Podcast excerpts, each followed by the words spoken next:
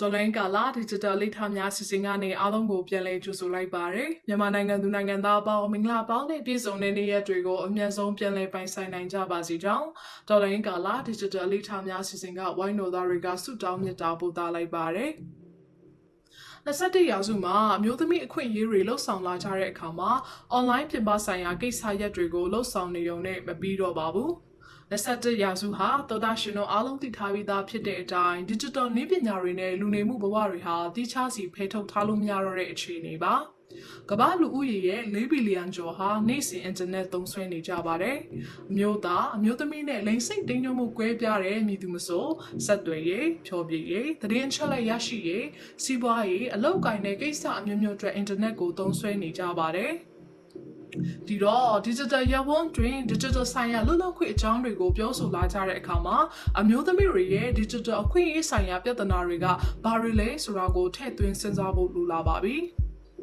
ဒီလို digital ရဝန်းတွင်အမျိုးသမီးများရဲ့အခွင့်အရေးဆိုင်ရာချိဆက်သက်ရောက်မှုတွေကိုသတိပြုလေ့လာရမယ်အပြင် online ရဝန်းတွင်အမျိုးသမီးတွေရဲ့အခွင့်အရေးကိုကာကွယ်မြင့်တင်နိုင်ရေးအတွက်ကိုပါထည့်သွင်းစဉ်းစားရမှာပဲဖြစ်ပါတယ်။အဲ့လိုဆိုတော့ access လို့ခေါ်တဲ့နည်းပညာတန်းတူလလန်းမီသုံးစွဲနိုင်ခွင့်ရရှိရေးဟာအမျိုးသမီးတွေအတွက်အင်မတန်မှအရေးကြီးပါတယ်။အာရှနဲ့အာဖရိကဘက်မှာလှုပ်ဆောင်ခဲ့တဲ့ ITU ရဲ့လေ့လာချက်တွေအရ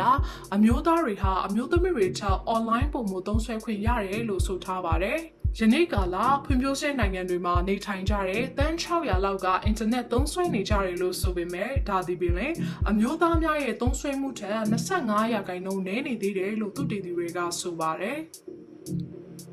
GSMA ရဲ့2020ခုနှစ် report တစ်ခုမှာမြန်မာနိုင်ငံမှာရှိတဲ့အမျိုးသမီးတွေက mobile phone ပိုင်ဆိုင်မှုတွေဟာအမျိုးသားတွေထက်14ရာခိုင်နှုန်းနည်းနေပြီး internet သုံးစွဲမှုမှာ30ရာခိုင်နှုန်းအထိတောင်ကွာဟမှုရှိတယ်လို့ဆိုထားပါတယ်။စားဝတ်နေရေး၊ကျန်းမာရေး၊အလုပ်ကိုင်နဲ့ပညာရေးဆိုင်ရာအခွင့်အလမ်းများစွာအတွက် internet လလန်းမီသုံးစွဲနိုင်မှုကအင်မတန်မှအရေးကြီးလာပါတယ်။ဤပညာလလန်းမီမှုကိုစဉ်းစားကြတဲ့အခါမှာအများစုကဤပညာဆိုင်ရာအခြေခံစောက်အောင်မလုံလောက်မှုပေါ်မှာမူတည်ပြီးစဉ်းစားကြပါတယ်။အမျိုးသမီးတွေအတွက်ဤပညာလလန်းမီမှုကိုစဉ်းစားတဲ့အခါမှာတော့လူမှုရေးနဲ့ယဉ်ကျေးမှုဆိုင်ရာရှုထောင့်တွေကိုပါထည့်သွင်းဖြည့်ဆွတ်စဉ်းစားရမှာပဲဖြစ်ပါတယ်။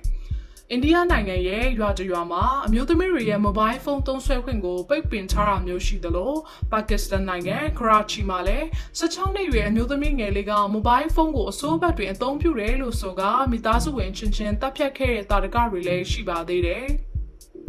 ဒီလိုလူမှုရေးနဲ့ယဉ်ကျေးမှုဆိုင်ရာပြဿနာတွေကလည်းအမျိုးသမီးများနည်းပညာတန်းတူလက်လန်းမီသုံးစွဲနိုင်ခွင့်အတွက်စိန်ခေါ်မှုတွေပဲဖြစ်ပါတယ်။ဒီလိုနည်းပညာတန်းတူလက်လန်းမီသုံးစွဲနိုင်ခွင့်ကိုရရှိမှသာအမျိုးသမီးများအနေနဲ့အများပြည်သူနဲ့ဆိုင်တဲ့ကိစ္စရပ်တွေမှာတက်ကြွစွာပါဝင်လာနိုင်မှာပဲဖြစ်ပါတယ်။ digital နည်းပညာဟာအများပြည်သူနဲ့ထိထွေးချိတ်ဆက်ဆောင်ရွက်ရတဲ့ကိစ္စတွေမှာကြားမှကွဲပြားမှုကိုဂရုမစိုက်ပဲအားလုံးကိုပါဝင်ခွင့်ရရှိအောင်ဖန်တီးပေးနိုင်တဲ့ပုံစံသစ်တစ်ခုပဲဖြစ်ပါတယ်။2019ခုနှစ်ရုပ်ရှင်ထုတ်လုပ်သူ Harvey Weinstein ရဲ့လိင်ပိုင်းဆိုင်ရာကျူးလွန်မှုဆွဆွဲချက်များနဲ့ပတ်သက်ပြီးအစီရင်ခံစာထွက်ပေါ်လာပြီးခဲ့တဲ့နှစ်ပတ်တာကာလအတွင်းမှာနိုင်ငံပေါင်း85နိုင်ငံကျော်ကအမျိုးသားအမျိုးသမီးပေါင်း1.8သန်းကျော်ဟာလိင်ပိုင်းဆိုင်ရာစော်ကားအနိုင်ကျင့်မှုကျူးလွန်မှုများကိုဆန့်ကျင်တဲ့ Me Too campaign တစ်ခုကိုလှုပ်ဆောင်ခဲ့ကြပါတယ်။ ဒီကမ်ပိန်းမှာကမ္ဘာတဝန်းလုံးမှာရှိတဲ့အမျိုးသမီးများစွာက #MeToo ကိုအသုံးပြုပြီး၎င်းတို့ကြုံတွေ့ခဲ့ရတဲ့လိင်ပိုင်းဆိုင်ရာစော်ကားခံရမှုပြဿနာတွေကိုဖော်ထုတ်ပြီးထိုပြဿနာတွေရဲ့ကျေပြန့်နေမှုကိုကမ္ဘာကြီးကပိုအာရုံစိုက်လာနိုင်အောင်လှုံ့ဆော်နိုင်ခဲ့ခြင်းဟာအမျိုးသမီးများအနေနဲ့အများပြည်သူဆိုင်ရာကိစ္စရပ်များမှာပါဝင်ခွင့်ရရှိရေးဟာလည်းတိတ်ကိုအရေးကြီးတယ်ဆိုတဲ့ဥပမာကောင်းတစ်ခုပဲဖြစ်ပါတယ်။ ဒါအပြင် digital နည်းပညာနဲ့စီးပွားရေးဆိုင်ရာချိတ်ဆက်မှုတွေကအလုံးမင်းခိုင်မြဲသွားတဲ့ကာလမှာတော့အမျိုးသမီးများရဲ့စီးပွားရေးကဏ္ဍပါဝင်ခွင့်ရရှိရေးဆိုင်ရာစဉ်းစားချက်များဟာလည်းလိလူရှုခဲ့လို့မရပါဘူး။ digital ခေတ်မတိုင်မီကအမျိုးသမီးများအနေနဲ့လုပ်ငန်းခွင်အတွင်းလူမှုရေးနဲ့လိမ်ပိုင်းဆိုင်ရာလုံခြုံရေးကိစ္စများလောက်ခလာစာနဲ့အခွင့်အရေးရရှိမှုမတူညီမှုများစတဲ့ပြဿနာတွေကိုကြုံတွေ့ခဲ့ရသလို digital ရဝန်းတွင်းမှာလည်းကြုံတွေ့နေကြရတယ်လို့ဆိုပါတယ်။အမျိုးသမီး28ရာခိုင်နှုန်းသာကွန်ပျူတာပညာပွဲအတွက်တက်ရောက်သင်ကြားနေတာဖြစ်ပြီးကွန်ပျူတာနဲ့ဆက်နွယ်တဲ့လုပ်ငန်းတွေမှာ25ရာခိုင်နှုန်းသာရှိကနည်းပညာဆိုင်ရာလုပ်ငန်းခွင်မှာအမျိုးသားများချက်ဝင်ငွေလျော့နေနေကြပြီးခေါင်းဆောင်မှုနေရာများတွင်လည်းအနေငယ်သာနေရာရသည်ကိုတွေ့ရတယ်လို့လေ့လာမှုတစ်ခုကဖော်ပြထားပါတယ်။ ဒါအပြင်ယဉ်ကျေးမှုဆိုင်ရာပြဿနာများအလောက်ကန်ခွင့်လန်းဆိုင်ရာကန့်သက်ချက်များကြောင့်အမျိုးသားများပေါ်မိခိုနေရမှုများကလည်းဒီပြဿနာကိုဖြေရှင်းရမှာထည့်သွင်းသုံးသပ်ရမယ့်အခြေခံအချက်များပဲဖြစ်နေပါသေးတယ်။ ချိုပြဿနာတွေအပါအဝင်အမျိုးသမီးများအနေနဲ့ရင်ဆိုင်နေရတဲ့အခြားသောပြဿနာများစွာလည်းရှိပါသေးတယ်။အဲ့ဒါတွေက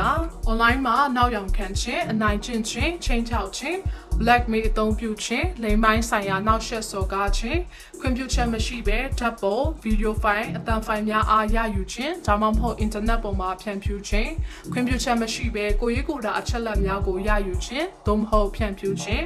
ဓာတ်ပုံများသို့မဟုတ်ဗီဒီယိုဖိုင်များကိုညဉ့်ညမ်း website များတွင်တင်ခြင်းဖြန့်ဖြူးခြင်း profile များကိုအထူးလုပ်ခြင်းနဲ့အချက်လက်များကိုပုံစံမျိုးစုံနဲ့ခိုးယူခြင်း mob attack များပြုလုပ်ခြင်းကိုရေးကိုယ်တာအချက်လက်များကိုရှာဖွေဖြန့်ဖြူးခြင်းစတဲ့ပြဿနာပေါင်းများစွာဟာလည်း digital ရဝန်တွင်ကျင်လည်လှုပ်ရှားနေကြတဲ့အမျိုးသမီးတို့ကြီးတွေ့ကြုံနေရတဲ့ပြဿနာများပဲဖြစ်နေပါသေးတယ်။ ဒါကြောင့် digital အခွင့်အရေးဆိုင်ရာကိစ္စရပ်များနဲ့ digital လုံခြုံရေးဆိုင်ရာကိစ္စရပ်များကိုစဉ်းစားကြတဲ့အခါမှာအမျိုးသမီးများရင်ဆိုင်ကြုံတွေ့နေရတဲ့အခြေအနေအကြောင်းအရာများကိုပါဖြည့်ဆွတ်စဉ်းစားပြီးကာကွယ်မြင့်တင်ပေးနိုင်မှသာလေကောင်းမွန်တဲ့ digital အခွင့်အရေးဆိုင်ရာရရှိမှုများကိုပြည့်ဝစွာဖန်တီးပေးနိုင်ပါမယ်လို့ပြောကြားရင်းနဲ့ပဲနောက်ပတ်များမှာလည်းဒေါ်လာကာလာ digital အလိထများစီစဉ်ကနေဘလို့အကြောင်းအရာတွေကိုဆက်လက်တင်ဆက်ပေးအောင်လဲဆိုတာကိုစောင့်မျှော်နာတော်တာဆင်ပေးကြပါအောင်ရှင် အောင်ရမည်ရေတော်ဘုံအောင်ရမည်